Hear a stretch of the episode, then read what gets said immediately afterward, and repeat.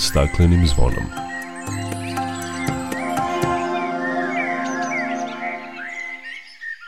Dobar dan i dobrodošli na Zeleni talas prvog programa radija Radio Televizije Vojvodine. Ja sam Dragana Ratković. Nakon dvonedeljnih diskusija i pregovora, konferencija Ujedinjenih nacija o klimatskim promenama COP27 je završena.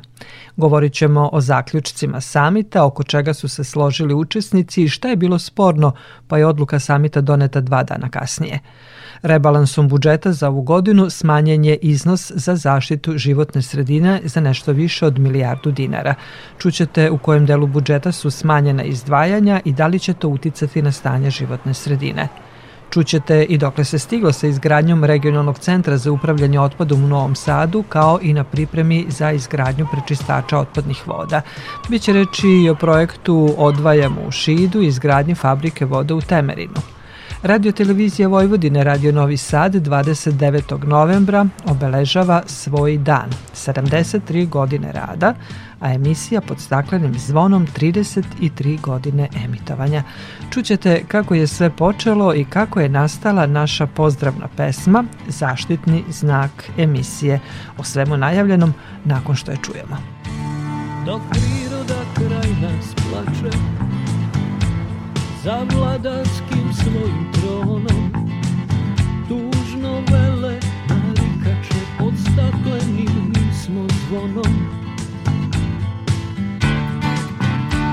Znaj vazduha više nema Sve manje je i ozona Protiv sebe ide čovek i to često bez pardona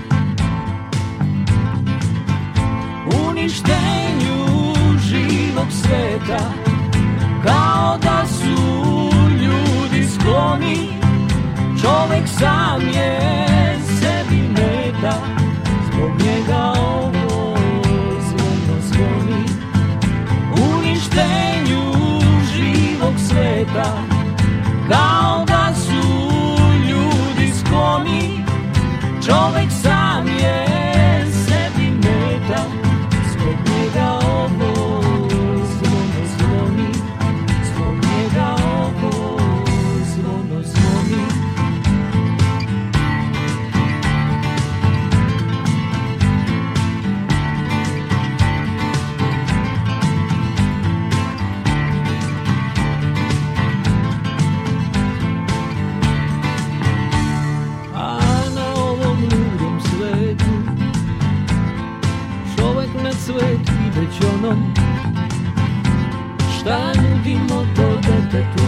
stakleni kad smo zvonom Uništenju živog sveta Kao da su ljudi skloni. Čovek sam je sebi meta Zbog njega ovo zvono zvoni Uništenju sveta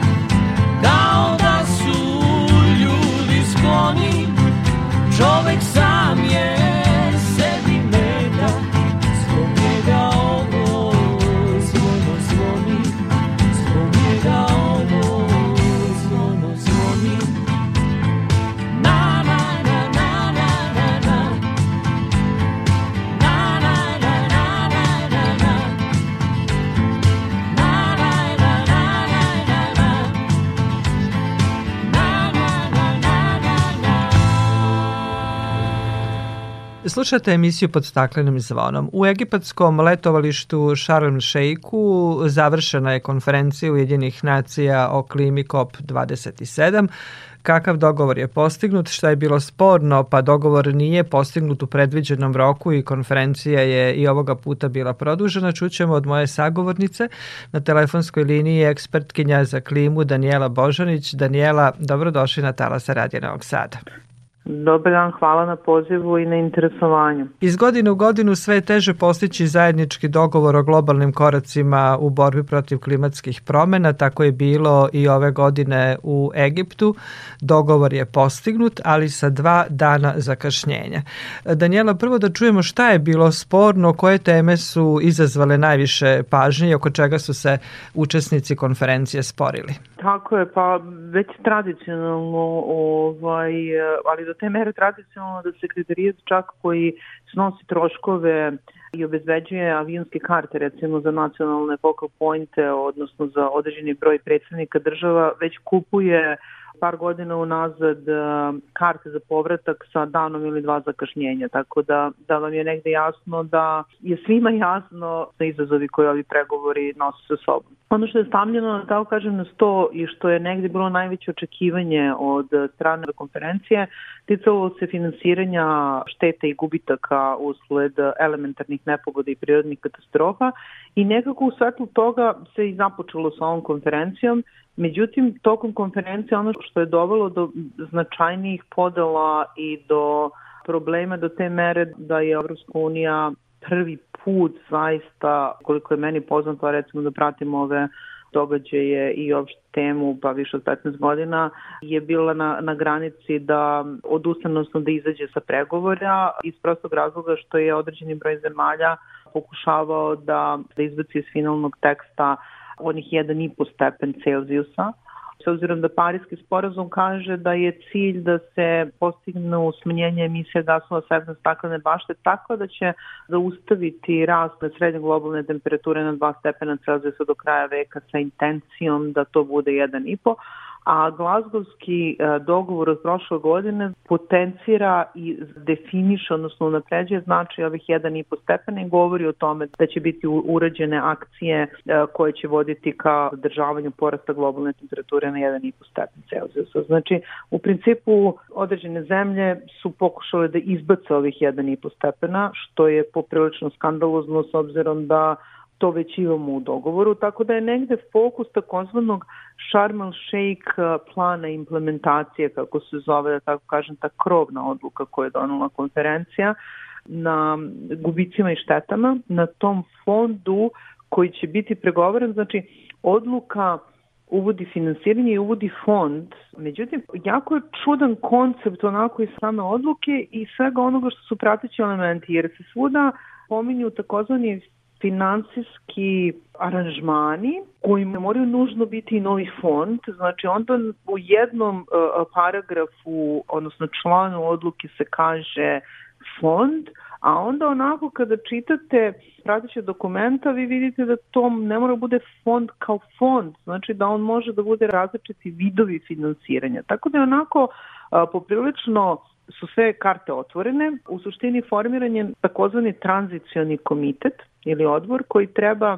da vodi pregovor o tome šta će biti finansirano, ko će biti finansiran, kroz šta će biti finansirano, koji će izvori i koja cifra znači biti u smislu ovih šteta i gubitaka koje će se obezbeđivati kao dodatno finansiranje. Međutim, vi kad pogledate recimo članove tog tranzicijonog komiteta, tri člana iz Afrike, tri člana iz Azije, dva iz eh, najmanje razvijenih i osrskih zemalja i samo jedan član iz drugih zemalja u razvoju.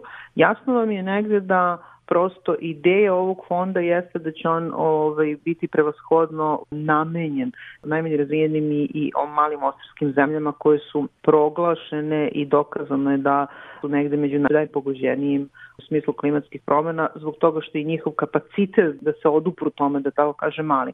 Jer vi imate recimo situaciju što je vrlo zanimljivo i što čak i ovaj Sharm el Sheikh implementacioni plan navodi da prosto jedna trećina sveta, odnosno 60 procenata afričkih zemalja, odnosno afričkih e, stanovnika nije im dostupan čak ni sistem rane najave. Negde odatle shvatite zašto je za ove zemlje zaista bitno da imaju neko dodatno finansiranje, što ne znači da i mi nismo jel, pogođeni s obzirom da smo na kontinentu na kome temperature rastu značajno brže nego što rastu globalne temperature.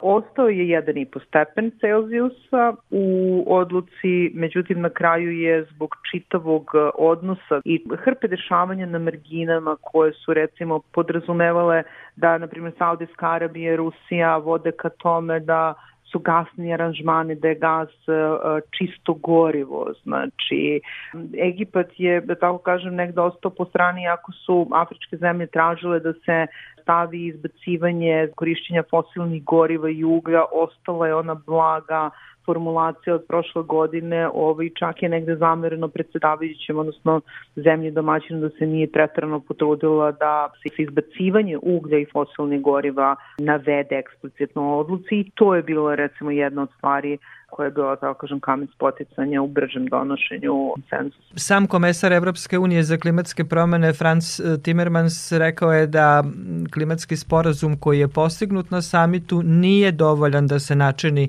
eh, korak napred. Šta je ono kod čega su se zemlje dogovorile? Koliko god da je odloženo, da tako kažem konkretno, sve one stvari koji čini taj fond za sledeću godinu, bojim se i moje lično mišljenje da to neće biti sledeća godina. Mislim, vratno će sledeća godina dati neko um, jasnije okvire finansiranja fonda, možda neke elemente i sam budžet za finansiranje ovi za recimo od 2024.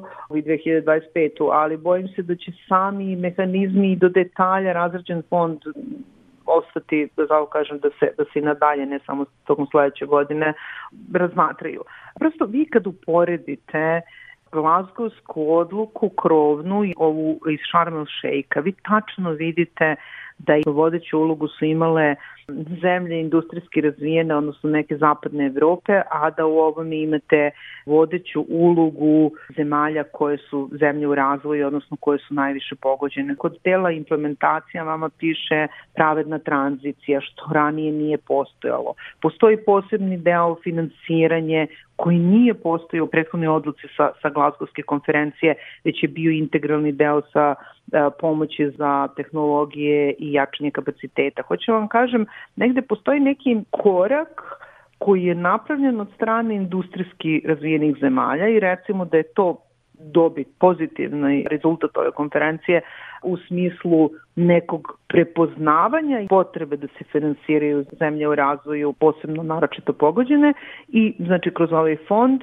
i jeste činjenica da u odluci stoji da se pozivaju sve zemlje da unaprede svoje NDCs. Ono što je isto značajno da se pozivaju zemlje do sledeće godine, da one države koje nisu dugoročne strategije smanjenja emisija gasova sa efektom staklene bašte i to je jako bitno da bi se videlo znači da li će biti postignuta ona karbonska neutralnost ili klimatska neutralnost do polovine veka. Tako da to su neki, da tako kažem, sitni pomaci, prosto se nije više ni očekivalo, to hoću da vam kažem, znači, mislim, bar je negde moj utisak bio tako. Na samitu je pokrenut e, plan grupe 7 pod nazivom Globalni štit radi obezbeđenja novca za zemlje koje trpe klimatske katastrofe. Mm -hmm. Učesnici pojedini su doveli u pitanje efikasnost e, ovaj takvog plana. O čemu se zapravo radi? U suštini sve što nije sadržano u zvaničnim odlukama i što nije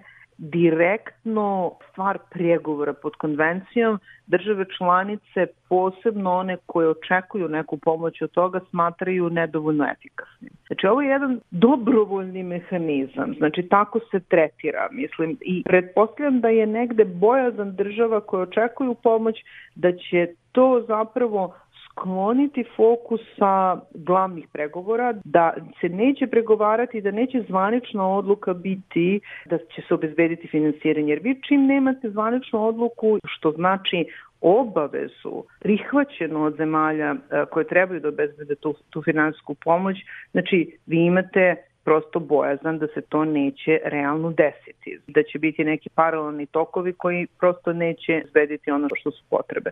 Tako da to je suština, znači sve što ode od zvaničnih pregovora uvek postoji protivljenje zemalja koji očekuju, da tako kažem, pomoć od tih mehanizama da to izlazi iz zvaničnih pregovora. Možemo reći konferencija je završena, dogovor je postignut, ali po svemu sudeći nije, kako neki kažu, dovoljan korak napred u borbi protiv klimatskih promena, ali ipak neke stvari su malo pomerene, možda malo odložene, ali ipak e, ovaj, neki napredak mali je postignut, tako tako možemo da zaključimo. Tako je, pa mislim, ja, vi sad ako pitate afričke i azijske zemlje, one će vam reći da je za njih to jako veliki rezultat.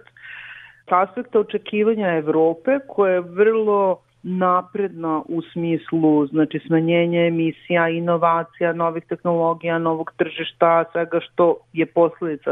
Smanjenje emisija gasova sa efektom staklene bašte nije naprednjen značajan napredak. I sad vi kad gledate da li imate balans između onoga što je učinjeno u smislu napretka u, del, u oblasti adaptacije, odnosno smanjenja gubitaka i šteta usled elementarnih nepogoda i mitigacija na smanjenje emisije gasova, ne, nije, zato što je značajan progres napravljen sa aspekta ovoga što se tiče adaptacije, što se tiče uticaja klimatskih promjena na sektore, ali nije napravljen značajni korak u smislu onoga što će države činiti, znači vezano za smanjenje emisija u odnosu na ono što je do sada dogovoreno. I ono što je negde frustrirajuće bar meni, recimo vi imate prošle godine smo imali izražavanje gde su to NDC u odnosu na 2010, sada imamo izražavanje u odnosu na 2019.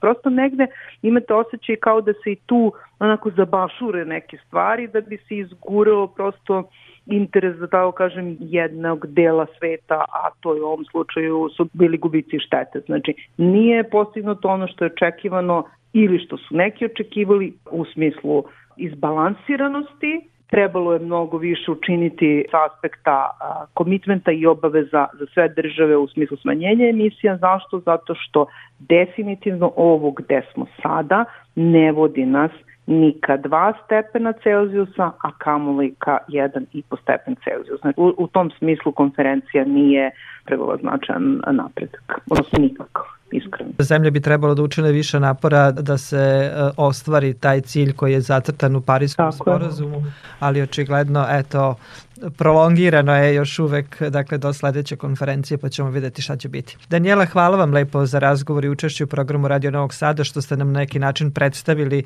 šta se sve dešavalo na konferenciji, šta je bilo sporno i na kraju krajeva šta je usvojeno. Hvala vama.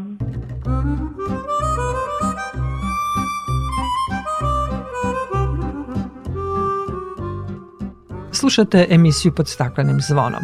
U toku je svetsko prvenstvo u futbolu koje se pomno prati. Međunarodna futbolska federacija tvrdi da će prvenstvo u Kataru biti ugljenični neutralno i da će otisak biti neutralisan na razne načine. Ali Svetska kuća futbala suočava se sa osporavanjima širom sveta kao i sa otvorenim pismom u kojem se od FIFA zahteva da preispita politiku održivosti. Ekološki aktivisti kažu da je to obmana javnosti i da bi turnir mogao da ima tri put veći ugljenični otisak nego što se navodi. U otvorenom pismu se kaže da FIFIna strategija održivosti sadrži loše procene emisije ugljenika, upitnu praksu njegovog neutralisanja i prebacuje odgovornost na navijače umesto da ih preuzme na sebe.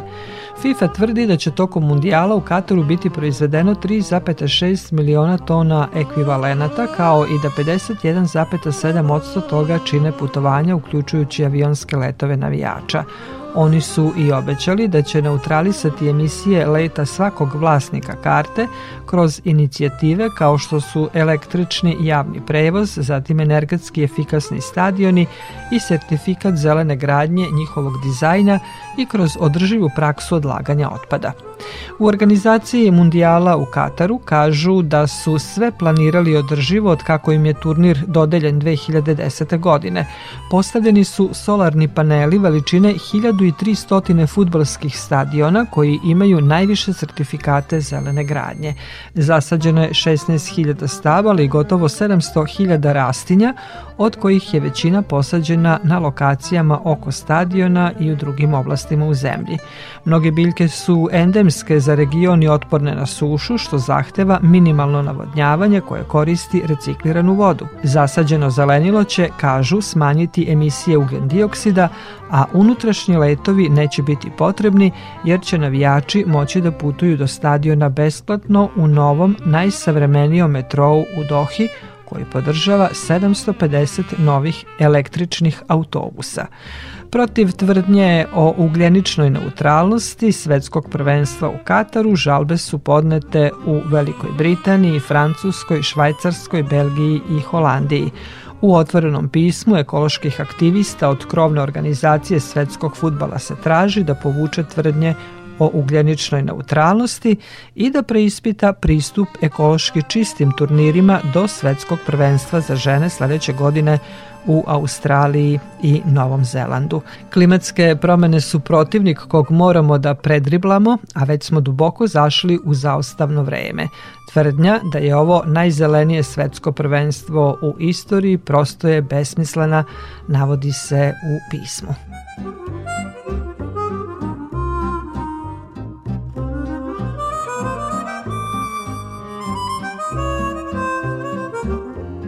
A kada već govorimo o smanjenju emisija, Viši sud u Beogradu doneo je prvostepenu presudu u korist Regulatornog instituta za obnovljivu energiju i životnu sredinu RERI i naložio elektroprivredi Srbije da smanji emisije sumpor dioksida u termoelektranama zbog njihove opasnosti po zdravlje ljudi i životnu sredinu.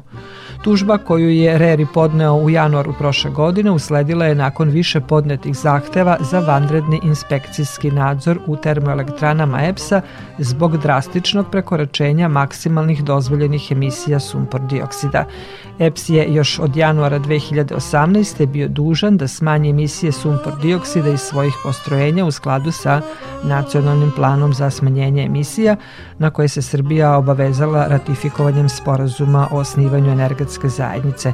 Ipak samo tokom 2018. i 2019. godine termoelektrane Nikola Tesla i Kostolac emitovale su šest puta veće količine sumpor dioksida od dozvoljenih, a prekoračenja su se nastavila i narednih godina. Presuda koju je po tužbi Rerija doneo Viši sud u Beogradu predstavlja pravni presedan koji značajno unapređuje sudsku praksu kada je u pitanju zaštita kolektivnih interesa, zdravlja građana i očuvanja životne sredine, kažu u Reriju. EPS ima pravo na žalbu u drugostepenom sudu.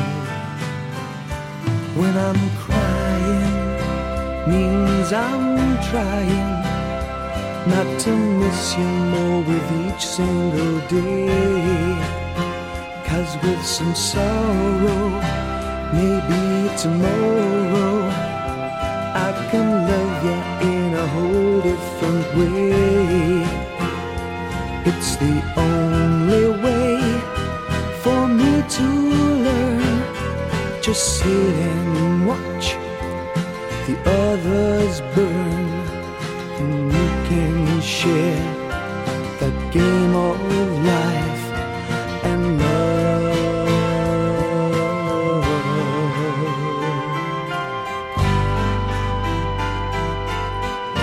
Try to sing, try to sing, try to sing our love song, yeah. Try to sing, try to sing, try to sing our love song, love song, love song, love song. Nothing can go wrong just you and me, like it was meant to be. I love you, Slušate emisiju pod staklenim zvonom.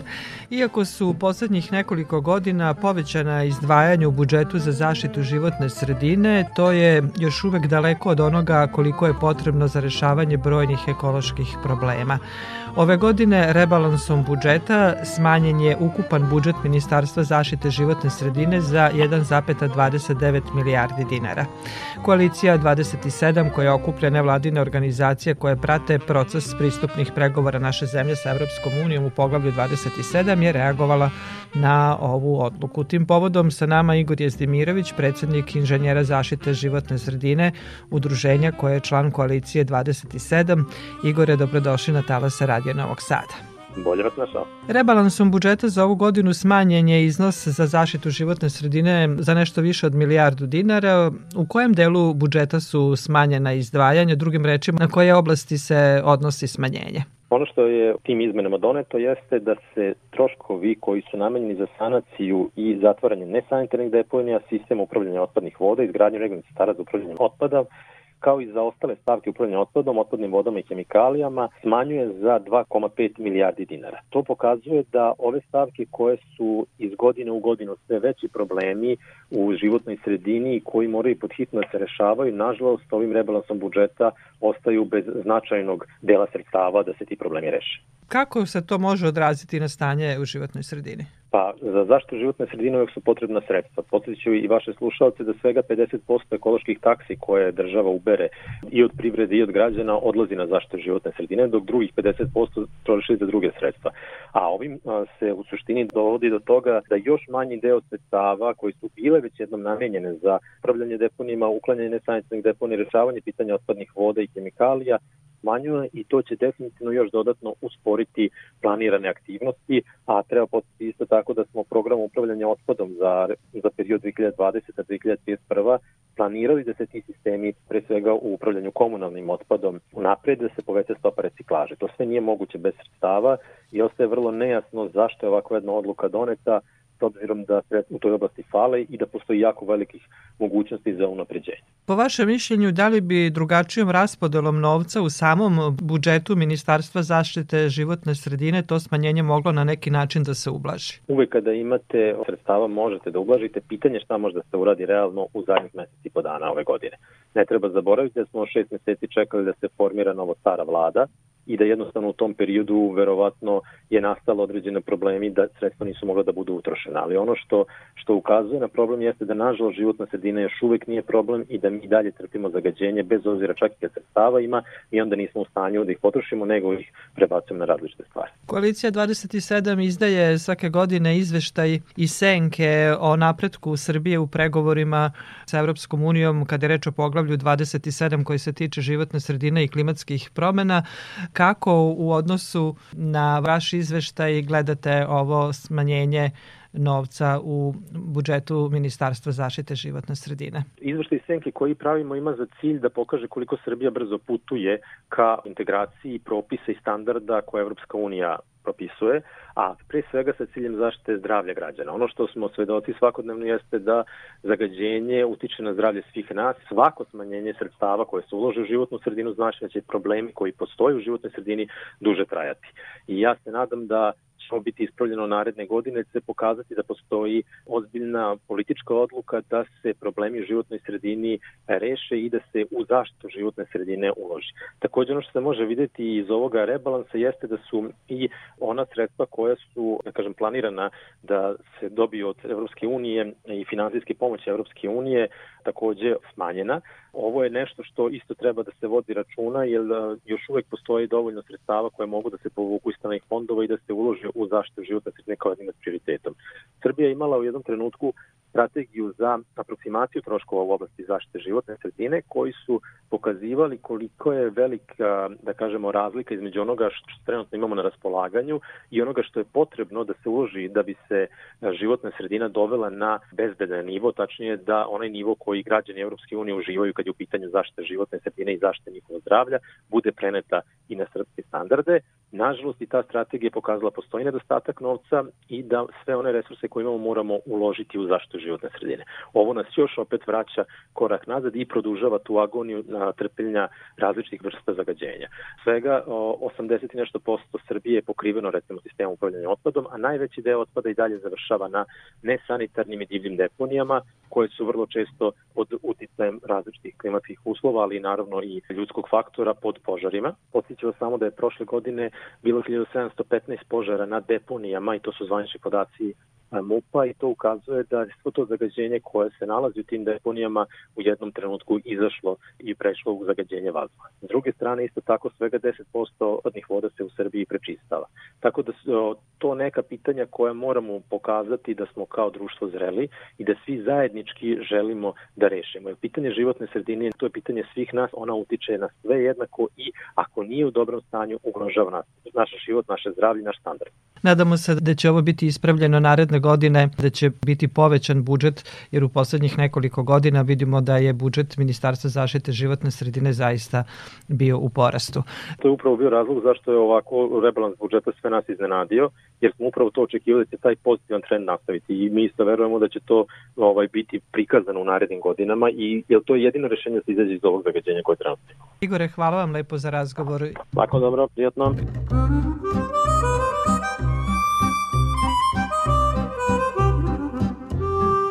Grad Novi Sad radi na rešavanju dva ključna problema koje se tiču zaštite životne sredine. Za nepune dve i po godine grad je uspeo da započne i završi projektno-tehničku dokumentaciju za izgradnju regionalnog centra za upravljanje otpadom u Novom Sadu, a radi se i na pripremi za izgradnju prečistača otpadnih voda. Grad Novi Sad zajedno sa sedam okolnih opština koje pripadaju regionu počinje da gradi regionalni centar za upravljanje otpadom, odnosno sanitarnu deponiju. Članica Gradskog veća za zaštitu životne sredine Mira Radenović kaže da je završena kompletna procedura po evropskim standardima koji su rigorozni, izuzetno komplikovani, ali štite životnu sredinu i zdravlje ljudi. Evropljani su prepoznali naš projekat kao jedan od možda najboljih projekata i najbrže urađenih u sektoru infrastrukturne životne sredine u ne samo Republici Srbiji nego u regionu. Dobili smo 40 miliona evra za prvu fazu od Evropske unije, odnosno tačnije 50% sredstava, jer prva faza regionalnog centra košta 80 miliona evra. Ono što je bitno za građane da znaju jeste da to ne znači više otpada na Novosadskoj deponiji. To znači preko 90% manje otpada u sanitarnoj kaseti. Sanitarna kaseta je deo gde će se deponovati onaj ostatak otpada sa čim ne možemo zaista ništa da uradimo i to na način da se obezbedi apsolutno zaštita svih podzemnih voda na lokaciji, ali i zaštita vazduha, jer se svakodnevno mora prekrivati taj deo, ali ako vi 90% otpada reciklirate, odnosno pretvorite u RDF gorivo od otpada, i spalite ga negde u Beočarskoj fabrici cementa. To je plan tehnološki kako ćemo se mi odnositi prema našem otpadu. To znači da ćete s jedne strane dobiti neke sredstva od recikliranja, a sa druge strane da ćete sav otpad koji je moguće uništiti, uništiti ga, odnosno spaliti u cementari. To za građane Novog Sada i regiona znači da neće biti više deponovanja otpada. Nema više deponija, odnosno smetlišta gde se širi e, neprijatan miris, odakle može da dođe do različitih nivoa zaraze, gde nećete imati problema sa zagađenjem podzemnih voda i posebno zagađenje vazduha u smislu e, deponijskih gasova i ostalih neprijatnih mirisa, ali i prašine koja se širi sa, ovaj, sa smetlišta, odnosno deponije. Tako da to je po meni jedan od najvažnijih projekata koji sledi u Novom Sadu. Kada bi trebalo da počne izgradnje? Što se tiče izgradnje, treba da se potpiše ugovor između Republike Srbije i Evropske unije, to su međudržavni sporazumi, odnosno da se verifikuje podrška finansiranja IPA 21, gde se nalazi naš projekat. Kada se to desi, i kada se obezbedi druga polovina sredstava, a to je zapravo uslov za tu drugu polovinu sredstava koja nas očekuje, koje bismo trebali da obezbedimo od strane Republike Srbije, odnosno Ministarstva financija, mi očekujemo da ćemo tender za javnu nabavku e, raspisati negde s proleća 2023. godine, znači već sledeće godine u proleće ide tender za projektovanje u smislu da se završava samo projekat za građevinsku dozvolu i sve ostale projekte imate. Mm -hmm to projektovanje bi trebalo traje nekih 6 do 7 meseci maksimalno, obzirom da su ovi projekti urađeni sa velikom nivom detaljnosti. Kada dobijemo građevinsku dozvolu, kreću radovi. Znači ja očekujem da se već u početku 2024. započnu radovi na izgradnji regionalnog centra obzirom da se u prvoj fazi radi ozbiljna tehnologija. Ovo je prvi projekat koji je finansirala Evropska unija ikada, da u prvoj fazi imate i tehnologiju, odnosno imate i preradu otpada. Ovo su sve uradili zajedno sa Novosadskim univerzitetom u Beogradu i dobili takođe stručnjake iz Evropske unije koji se bave, bave ovim stvarima. Tako da, prolazeći rigorozne kontrole, dobili smo sve saglasnosti koje je potrebno dobiti za ovakav jedan projekat i očekujemo da počnemo 2024. sa izgradnjom. Jedan od značajnih projekata je prečistač otpadnih voda u Novom Sadu, koji građani isto tako očekuju. Kada bi to? Za prečistač se trenutno otkupljuje zemljište, praktično se nalazi na, na zemljištu bliže pobede, tako da to je faza koja se trenutno privodi kraju. Takođe, još uvek se razmatra tehnologija, pošto je izuzetno bitno kod prečistača da imate što manje otpadnog mulja, jer je on opterećenje za, ovaj, za taj sistem, a s druge strane da imate što manje neprijatnih mirisa. Jer poenta izgradnje prečistača je, pored toga što usmeravate otpadne vode iz kanalizacije u prečistač, a ne u Dunav, jeste i da smanjite taj efekat na građane neprijatnih mirisa smrada praktično. Tako da to je nešto što se mora definitivno svesti na minimum, jer sadašnje stanje, upravo zbog toga što nemamo prečistač, je izuzetno, izuzetno loše, posebno kada su niski vodostaj, jednostavno ovaj, novosađeni koji žive, posebno na Keju, veoma teško proživljavaju te periode godine. Tako da je izuzetno važno da i ovaj projekat realizujemo. Ono što je dobro što se tiče ovog projekta je da konstrukcija finansijska, ona u potpunosti je zaokružena i da smo tu sredstva dobili iz eh, kredita kineskih sredstava. Ja se nadam da će novosađeni u narednom periodu imati završeno potpuno dva ključna pitanja što se tiče životne sredine u gradu. Prečistač je nešto što je e, jako važno, ali je problem deponije i deponovanja otpada i čvrstog otpada nešto što je ključno trenutno, zato što mi nećemo sve manje i manje ove, proizvoditi otpada, nego sve više i više, a ove, kultura e, upravljanja otpadom je nažalost na niskom nivou i mi to moramo što pre menjati da bismo i naše navike, a pre svega životnu sredinu ostavili čistom. Ako uspemo da ova dva projekta ogromna vrednost se meri u stotinama miliona evra, da uspemo da završimo u narednom periodu, ja mislim da, ovaj, da, da će Novi Sad zaista onako zablisati jednom potpuno drugom, drugom bojom. Da, se nadamo. Hvala vam najljepše. Hvala vam. Šta ti treba? Komad hleba. I pod glavom.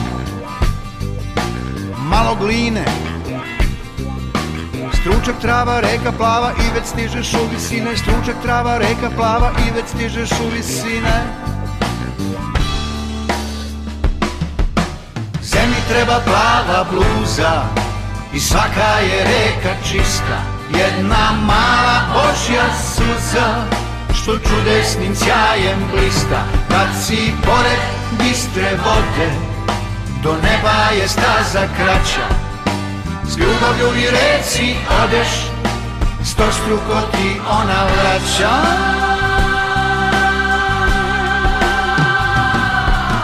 Kad zlo vreba Budi zeba što u tajni. Zabran sleti. Brige smetni reku sretni i sreću ćeš opet žnjeti. Brige smetni reku sretni i sreću ćeš opet žnjeti. Zemlji treba plava bluza I svaka je reka čista. Jedna mala Božja suza Što čudesnim sjajem blista. Kad si pored bistre vode. Do neba je staza kraća. S ljubavlju i reci odeš Sto struko ti ona vraća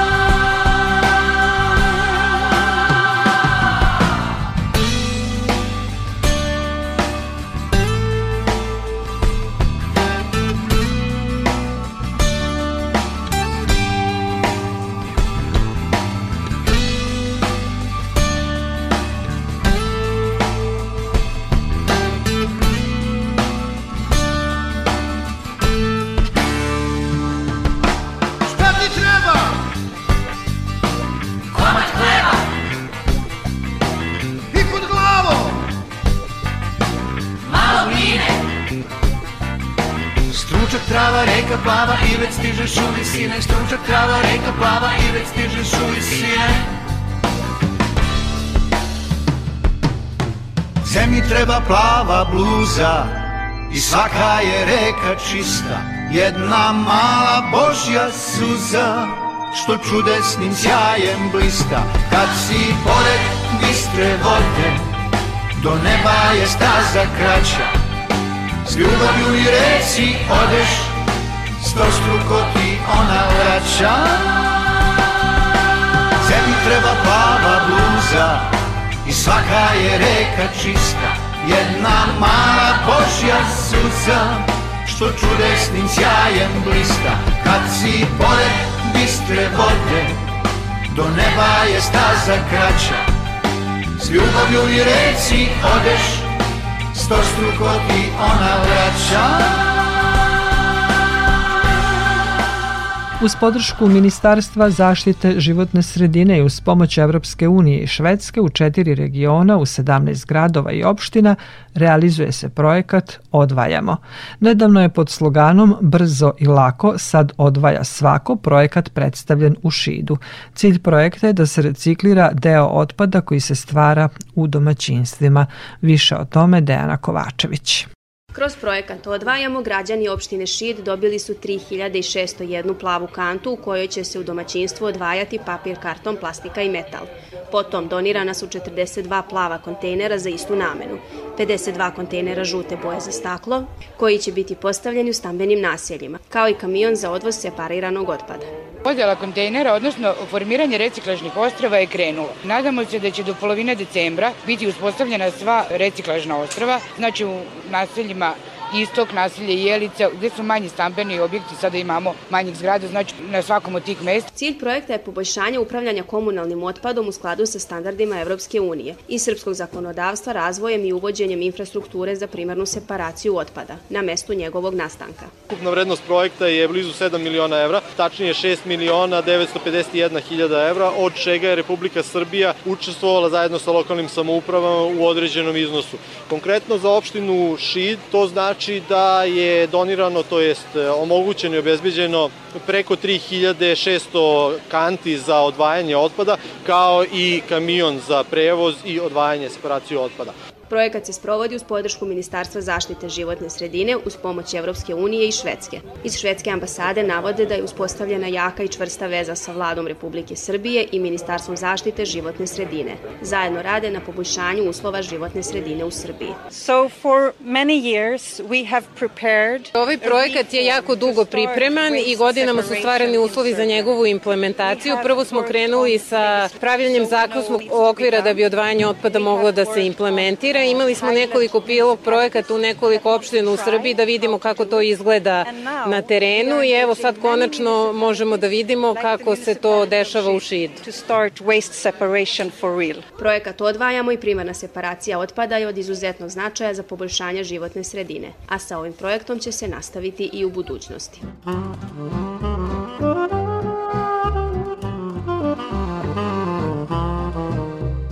Nakon više od 19 godina stanovnici Temerina dobit će ispravnu vodu za piće jer su se stekli svi potrebni uslovi za izgradnju fabrike vode. Završetak radova planiran je za oko dve godine. U ugovoru izgradnje fabrike vode potpisali su predstavnici opštine i pokrajinske vlade. Zabeležila Milana Kadrić. Prema nalazima instituta Batut, voda je po svim analizama stopostotno neispravna na teritoriji opštine Temerin. Od 2003. godine zabranjena je za piće. Izgradnjom fabrike vode na lokalitetu Staro Đurđevo taj problem trebalo bi da se reši. S obzirom da ste svedoci da generalno cela Vojvodina nema zdravu pijeću vodu, opština Temer ima isto taj problem. Naši sugrađani čekaju već godinama da rešimo to pitanje. Mi smo potpisali ugovor i uskoro ćemo raspisati javnu nabavku.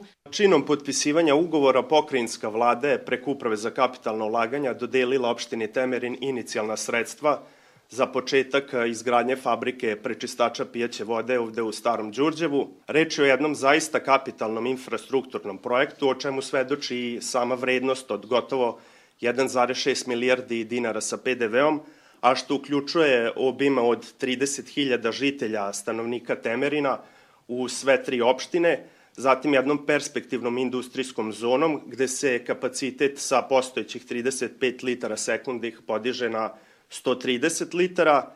Planom izgradnje fabrike vode trebalo bi da se pored postojeća dva izgradi još jedan bunar kao i novo postrojenje za preradu koje će vodu dobijati iz ukupno osam bunara. Odakle će se za dve godine, kako je planirano, snabdevati sva naselja u opštini Temerin. There's a lot of papers I was going through Old reminders I was saving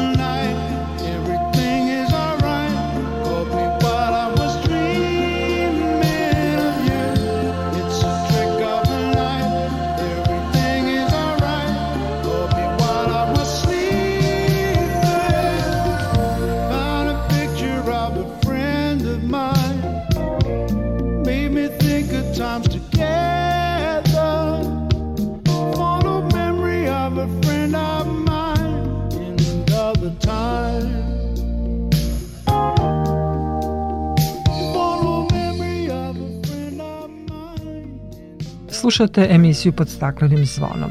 Radio Televizija Vojvodine, Radio Novi Sad, 29. novembra obeležava svoj dan, 73 godine rada, a emisija pod staklenim zvonom 33 godine emitovanja. Emisija pod staklenim zvonom Radio Novog Sada jedna je od prvih na ovim prostorima koja se bavi temama zaštite životne sredine i ekologijom. Prve četiri pilot emisije emitovane su na našem programu 1989. godine, a od 1990. emituje se jednom nedeljno i traje jedan sat. Emisiju je pokrenuo jedan od osnivača ekološkog pokreta Vojvodine, novinar Radio Novog Sada, Bakir Zahirović. Pod staklenim zvonom bavi se temama iz oblasti zaštite životne sredine i ekologije, uglavnom na području Vojvodine, ali i globalnim ekološkim problemima. Cilj je ne samo informisanje slušalaca, nego i edukovanje i podizanje ekološke svesti građana. Emisija ne rešava ekološke probleme, ali ukazuje na njih i poziva da se nešto preduzme kako bi bilo poboljšano stanje životne sredine. Osim ekoloških aktuelnosti, u emisiji se predstavljaju i zaštićena prirodna dobra, ukazuje na njihovu vrednost, ali i na probleme i potrebu da se ona sačuvaju. Zaštitni znak emisije je naša pozdravna pesma, za koju je tekst napisao začetnik emisije Bakir Zahirović, a muziku kantautor Branko Pražić, koji će nam ispričati kako je sve počelo i kako je pesma nastala. Poštovani slušalci, ovo je ekološki podsjetnik Radio Novog Sada kojim upozoravamo i pozivamo u akciju.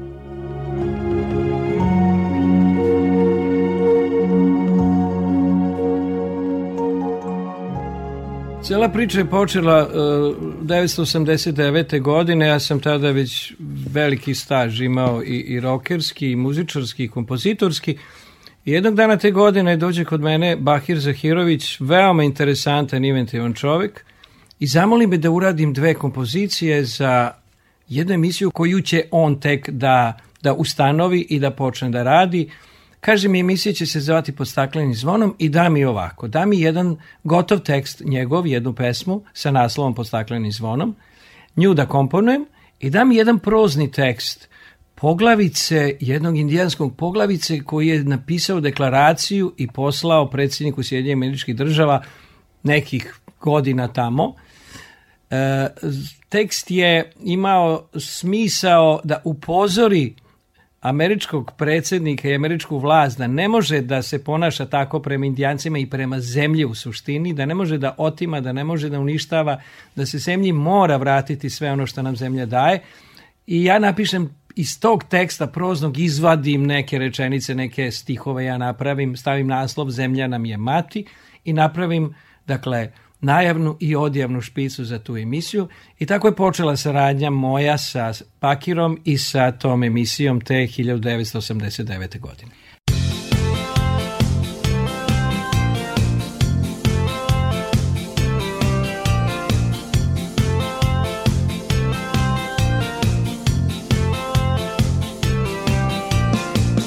Priroda je sve okolo, a čovek u sredi Ko se hvata u to kolo Mnogo više vredi. Ko se hvata u to kolo Mnogo više vredi. Čuvajmo prirodu Čuje se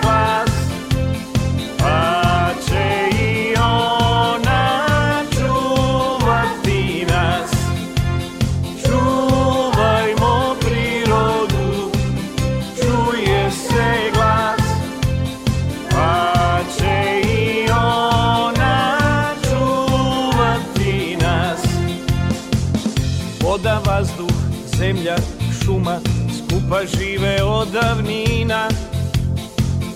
U dve reči to se zove čovekova okolina. U dve reči to se zove čovekova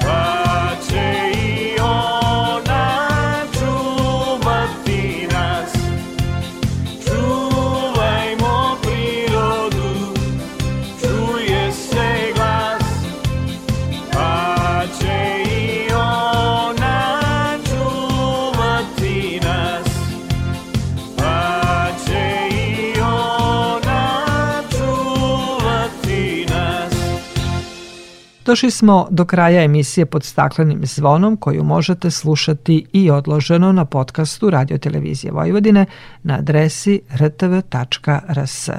Na pažnji vam zahvaljuju Violeta Marković, Zoran Gajinov i Dragana Ratković.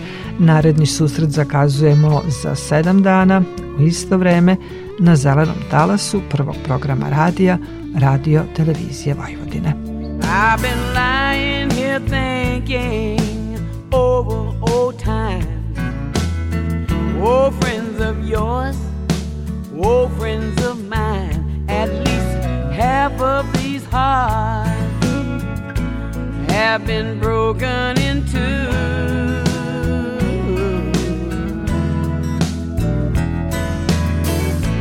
Sometimes love just ain't strong enough. Some give in some give up. And it started me thinking, what would I do without you? So you can hold me in your sweet loving arms.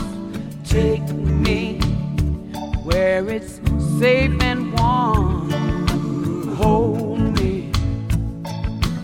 just a little longer